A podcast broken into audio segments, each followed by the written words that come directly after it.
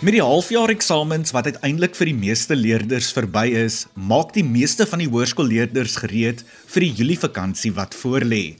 Net soos die leerders, vat ons dit vanaand so 'n bietjie rustiger op Kompas. Hallo hallo, ek is Adrian Brandt en ek kuier vir die volgende paar minute saam met jou in Kompas net hier op RSG. Ek het vroeër in die week met 'n paar van my onderwyservriende gesels en almal van hulle vertel dat hulle opgewonde is vir die vakansie en breek wat voorlê. Alhoewel party van hulle modereringswerk het wat gedoen moet word, sien baie van hulle uit na 'n bietjie stilte weg van die skool en die leerders. En so gepraat van die leerders en modereringswerk, ek was nuuskierig om te hoor wat die matrikulante gedink het van die halfjaar eksamens wat hulle hierdie kwartaal afgelê het. Ek het by so 'n paar van hulle gaan inloer en uitgevind.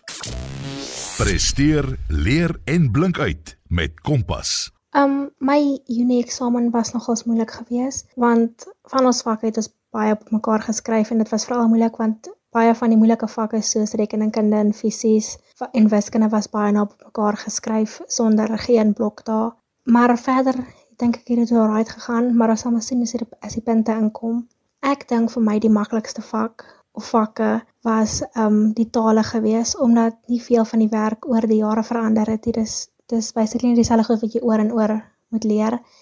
En dan die moeilikste vak was ek dink definitief fisiese wetenskappe. Dit was net sekere van die goed snap jy en van dit snap jy nie en dit was die moeilikste vak vir my gewees om te skryf. Ek is Leonard Blanche. Ek is hierdie jaar matrikulant in Bethlehem Voortrekker Hoërskool. Junie eksamen is definitief nie vir sissies nie. Dit het met 'n spoed op my neergedaal met 'n werkslading wat werklik skrik vir niks. Maar ek het amptelik vandag my laaste vraestel geskryf en ek kan sê dat dit oor die algemeen baie goed gegaan het. Ek is baie verlig en dankbaar. Alhoewel beide wiskunde vraestelle my byna ondergekry het en baie uitdagend was, kon ek daarom vandag afsluit met 'n redelike doenbare chemie vraestel en 'n redelike hoeveelheid van my sanity. Ek is so stuk stuk besig om my persoonlikheid terug te kry. Rekord en eindeksamen wag nog op my, maar na dese voel ek baie meer gereed en weet meer wat om te verwag. Uh die Junie vakansie vir my was eintlik heel rustig.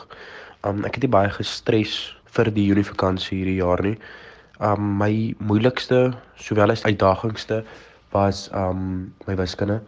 Ek spandeer nogals baie tyd op wiskunde, so ek wil hê my wiskunde gemiddeld moet redelik goed wees. En my my maklikste was was redelik Engels. Hallo hallo, ek is Hannu van der Merwe en ek is tans 'n matriekleerling aan die Hoërskool Witberg in Bethlehem.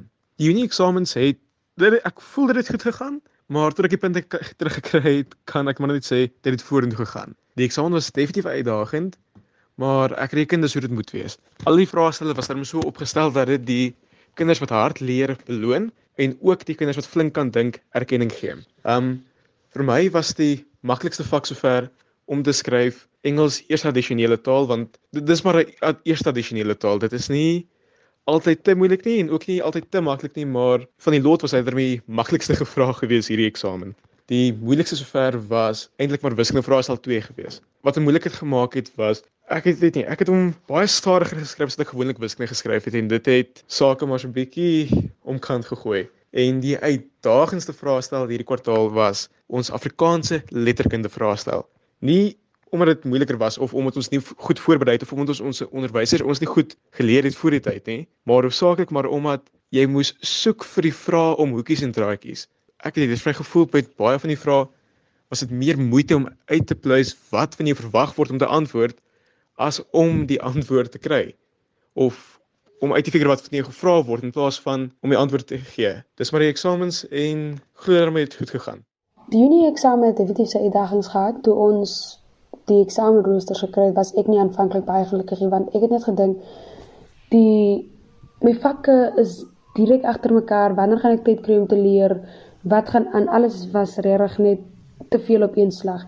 En um die moeilikste deel van die eksamen was om 'n tyd geleef te kry om actually te sit en te leer. Die maklikste deel was om te gaan sit en leer. Maar nou dat ek hier aan die einde van die eksamen kom, moet ek sê dit was moeite werd. Dit was moeilik, regtig, maar ek het dit gemaak werk. Ek het maar probeer om my tyd reg te skeduleer sodat ek by al my vakke kon uitkom en ek kon daarom dit doen. Hallo, ek is Anja Pieter en ek gaan by Hoërskool Kempton Park skool. Die Junie eksamen was nogal 'n uitdaging want dit was meestal koud en ek hou nie daarvan om in die koue te gaan sit en te skryf nie en ek het begin moeg raak om te leer, maar dit was nie te sleg nie, dit het oukei gegaan. My naam is Piet Botha. Ek is 'n matrikulant aan Bethlehem Voortrekker Hoërskool hier in die hartjie van die Vrystaat. Na hierdie Junie eksamen is ek 'n bietjie bleker, maar verseker beter toegerus vir die eindeksamen. Die eksamen het goed verloop alhoewel wiskunde 'n regte tamaletjie was. Ek sien al die sadistiese uitdrukking op die eksaminator se gesig terwyl hy daardie vraestel opgestel het. Dit is asof hulle daartoe uit is om ons uit te vang. Die maklikste vak was IGO. Ek is seker daardie eksaminator het 'n lied in sy hart gehad toe hy daardie vraestel opgestel het. Die uitdagendste was om slaapplek te kry op my bed tussen al die handboeke, papiere, koffiebekers en 'n brein wat wil ontplof. Ja nee, kyk, wiskunde was nog nooit my sterkpunt nie en soos daai jong man sê, dit het my ook altyd laat voel asof 'n bom in my kop wil ontplof. Met die vakansie wat voorlê, is ek seker daarvan dat die meeste matrikulante uitsien na 'n welverdiende blaaskans.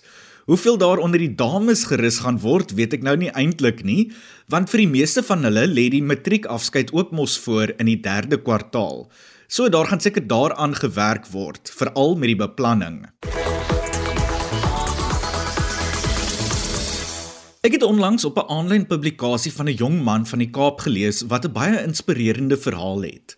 Diego April Jeffries is 'n 27-jarige modeontwerper en stileerder van Atlantis net buitekant die Kaap en is besig om 'n groot naam vir homself te maak. Alhoewel Diego nog altyd 'n kreatiewe individu was, was modeontwerp nie sy eerste keuse van beroep nie.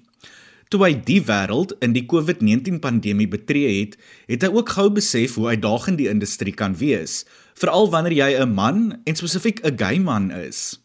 Die uitdaging het hom net meer gemotiveer om suksesvol te wees en dit is hy beslis vandag. Ek het met hom gesels en meer uitgevind van sy modeontwerp avontuur. Kom vind jouself met Kompas. Diego, welkom op Kompas. Dit is lekker om jou hier te hê. Soos ek genoem het, is jy 'n jong modeontwerper en stileerder van Atlantis in die Wes-Kaap wat nog altyd met 'n passie vir kreatiwiteit brand. Soos ek verstaan, was modeontwerp en stilering nie jou eerste keuse nie en het jy eers in 2021 daarmee begin. Vertel vir ons meer van jou reis na die wêreld van modeontwerp en stilering en neem ons terug na daardie oomblik toe jy besluit het om dit 'n loopbaan te maak. Wat het jou laat besluit om hierdie loopbaan te volg en wat was jou vriende en familie se reaksie hierop? 'n Hartlike goeienaand aan almal hier by RSG en elke luisteraar wat vanaand ingeskakel is. Baie dankie vir die ongelooflike geleentheid om tog vir my deel te hê van hierdie program. En waarlik hoop ek dat hierdie episode tog 'n jong mens bereik met 'n droom. Ek uh, is tog 'n 27-jarige individu van 'n klein dorpie naamlik Atlantis net so bietjie buite Kaapstad. En ontwerp en stilering was definitief nie die eerste keuse nie. Dit het alles begin toe ek my werk in 2020 verloor. Natuurlik met alle uitdagings wat met dit gepaard gaan, het ek toe deursettingsvermoë binne in my tassie gepak. Om vir jou terug te vat na na daai oomblik toe um 2020 ek verloor toe my werk en natuurlik dit is waar ek mos nou hierdie gevoel ontwikkel het natuurlik om in om in stilering en ontwerp te gaan. Um en soos jy mos nou weet ek het mos nog gevoel soos iemand wat se mat onder my voete uitgeruk was baie onseker oor die toekoms um met 'n berg vrae um soos waarheen gaan ons nou en wat doen jy nou Diego met jou lewe na alles. Dit is toe natuurlik toe ek aansoek doen vir die kort kursus in ontwerp en stilering omdat ek alreeds die liefde vir vir fashion van 'n jong ouderdom af ontwikkel het. En soos enige een wat ons nou na na jou is soos jou familie en vriende was natuurlik nou baie onseker oor hierdie besluit wat ek maak at the time because you know fashion it must nou of ontwerp dit altyd so groot I would say market in Suid-Afrika nie. So ek dink hulle was bietjie baie onseker. Diego, ek het 'n voeltjie oor vlei dat jou liefde vir mode van jou ouma se kant afkom. Vertel vir ons 'n bietjie meer van haar as ook jou inspirasie vir jou ontwerpe. Um ouma was maar nog altyd baie modies. nog steeds sal ek sê. Ek is 'n ouma en oupa kind, baie bederf. Um sal sal vriende en familie sê van jongs af, maar sy het tog die beste lewenseienskappe in my belê en dis hoekom ek so baie dankbaar is vir haar. Sy het die beste gedra voel ek um according to me. en ek het altyd dit gesien as a vehicle to transport to an earlier time of fashion if I can put it that way. Ek dink ja, is 'n Afrikaanse manier hoe ek dit kan stel nie, maar dit altyd vir my teruggevat aan um hoe mode destyds was en ontwerpe. Dit was baie baie interessant. Nou, so gepraat van modeontwerpe. Wat is sommige van jou gunsteling tipes of genres van modeontwerp?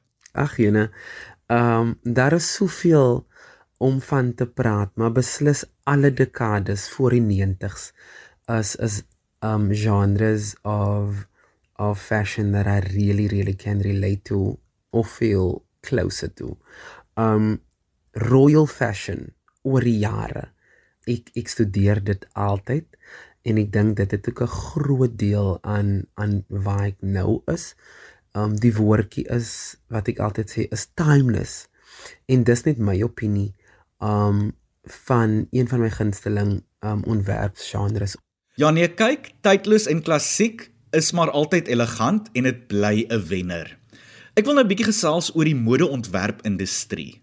Hoe maklik of moeilik is dit of was dit vir jou om jou voet in die modeontwerpindustrie te kry en sodoende ook 'n naam vir jouself te maak? Hoe maklik of hoe moeilik?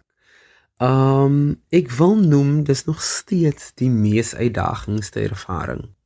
Dis beslis die grootste deel van branding en hoe mense jou ontwerpe sal ontvang. Um so sosiale media is 'n groot deel van um hoe ek myself daar buite plaas en dit het nogal 'n groot impak op die tipe besigheid wat ek kry. Diego, ons gaan later bietjie gesels oor die stereotypes en die stigmas oor mans en veral gay mans in die modeontwerp en stileringswêreld maar eers wil ek jou mening hieroor kry. In 'n veld soos modeontwerp en stilering, is dit belangrik om 'n naskoolse kwalifikasie te hê en dan ook, hoe belangrik is dit om mense in die industrie te ken om vir jou deure te kan oopmaak in die toekoms? Wow, baie baie interessant.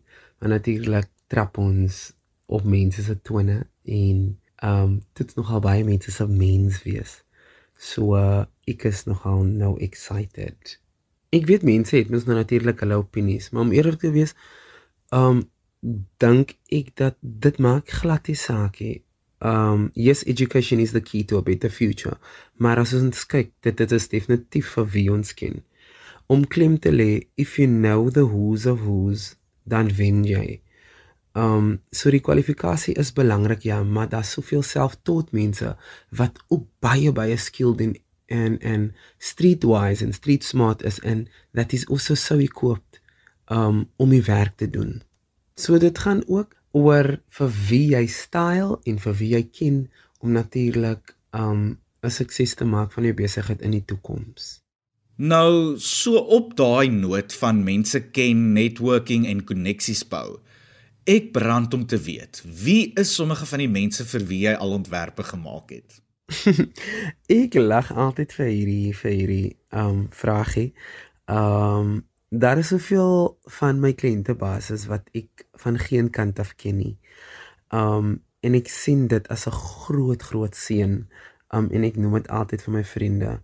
Mense onder andere wat ek stileer is soos local artist um op die Kaapse vlakte and I love working with him. Um een van my na vriende, dis Wayden Johannes. Hy het al in Arendsvlei gespeel. Hy's 'n goeie sanger ook. Um en hy's ook plaaslik geleë. Um en dan onder andere is Craig Jordan. Um he's a former finalist van Idols is a great great artist. Dan een van my ander vriende ook Zaldine McDonald, vocal trainer and amazing artist in CPT. Um ek love om met hulle te werk. Um then there is a TikTok influencers. Obviously, I have one of my closest, and I call him a brother because we share so much. Um, Keegan van der Vestes, and he is a motivational speaker, and he always shares so much on TikTok. Um so hy's een van die mense wat ek op 'n weeklikse basis studeer. Um en ek love om met hulle te werk. En dan natuurlik pageantry en mense in die pageant wêreld. Dit het 'n groot impak op my besigheid en most of the upcoming things obviously. Dit is Diego April Jeffries, 'n modeontwerper en stileerder van Atlantis net buitekant die Kaap wat saamgekuier het in Kompas en van die industrie vertel het. Soos hy noem, trap ons dalk op tone wanneer ons sê dat jy nie altyd 'n naskoolse kwalifikasie benodig om suksesvol te wees nie, en ek glo dat dit wel waar is, veral wanneer jy in 'n meer kreatiewe industrie werk. Hy maak ook 'n uitstekende punt wanneer hy sê dat dit belangrik is oor wie jy ken. En so op die punt van naskoolse kwalifikasies, aansoeke by die meeste universiteite sluit binnekort en hierdie kwartaal se eksamen speel 'n deurslaggewende rol vir matrikulante se aansoeke. Indien jy beplan om volgende jaar te studeer, beter jy wikkel. Aansoeke sluit binnekort. Maak dit sommer hierdie vakansie jou topprioriteit indien jy nog nie aansoek gedoen het nie. Ek is weer terug agter die kompas mikrofoon en ek kuier saam met jou in jou kombuis, voorhuis of sommer in die passasierssitplek van jou motor indien jy op die pad is. Ek is Adrian Brandt en ek kuier vir die laaste paar minute saam met jou in Kompas op RSG. Diego April Jeffries, 'n jong modeontwerper en stileerder van Atlantis, kuier nog saam met ons en ek het heelwat vrae en wenke wat ek by hom wil kry. Ek is seker daarvan dat die matriekmeisies ook 'n paar wenke by hom wil hê, veral vir hul matriekafskeid sprokies aand. Moenie bekommer nie, ek vra hom later ook so 'n bietjie meer daaroor uit. Maar eers, Junie is Pride Month en dit is gewoonlik die tyd waar ons die impak en mylpale vier van die LGBTQIA+ gemeenskap, beide nasionaal en internasionaal. Die alledaagse en moderne samelewing het al ver gekom om die regte van gay mense te aanvaar en te respekteer, maar dit bly in sekere opsette steeds 'n uitdaging. Diego het dit ook alself ervaar en ons gesels nou 'n bietjie daaroor, entrepreneurskap en natuurlik ook daai wenke wat die matriekmeisies wil hê. Kompas. Kragvers en knetterend. Diego, ons beweeg nou aan na meer ernstiger dinge. Alhoewel die samelewing meer open-minded en inklusief is, is daar nog baie stereotipering en stigmas oor mans en veral gay mans wat in die modeontwerp en stileringsindustrie werk. Kan ons 'n bietjie hieroor gesels as ook die kwessie van diversiteit en seksualiteit in die modeontwerp wêreld? Ek is bly dat jy dit noem. Baie het tog 'n mispersepsie oor gay designers en stileerders. Um die stigma het juis bestaan voor my tyd. Ek is glad hier om om um mense te, se persepsie te verander.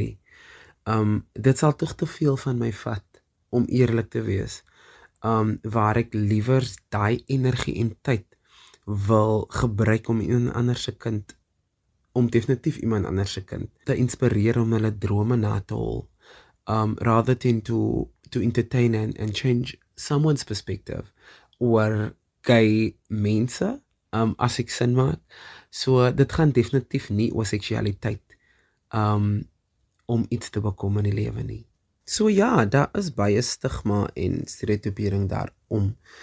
Um but after all is ons tog die mees kreatiefste individuals. um wat die designer world own. Um diversiteit um is so 'n groot deel van wat ook al jy soggens aantrek vir, vir byvoorbeeld werk toe um of na enige event toe. Daar's 'n gesegde wat ek altyd sê en ek kan dit net in Engels sê. The gays decide what you wear without you giving us consent.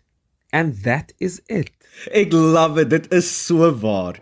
Die eie op daai noot. Junie is Pride Month en ek is trots om te sê dat ek ook 'n ally is.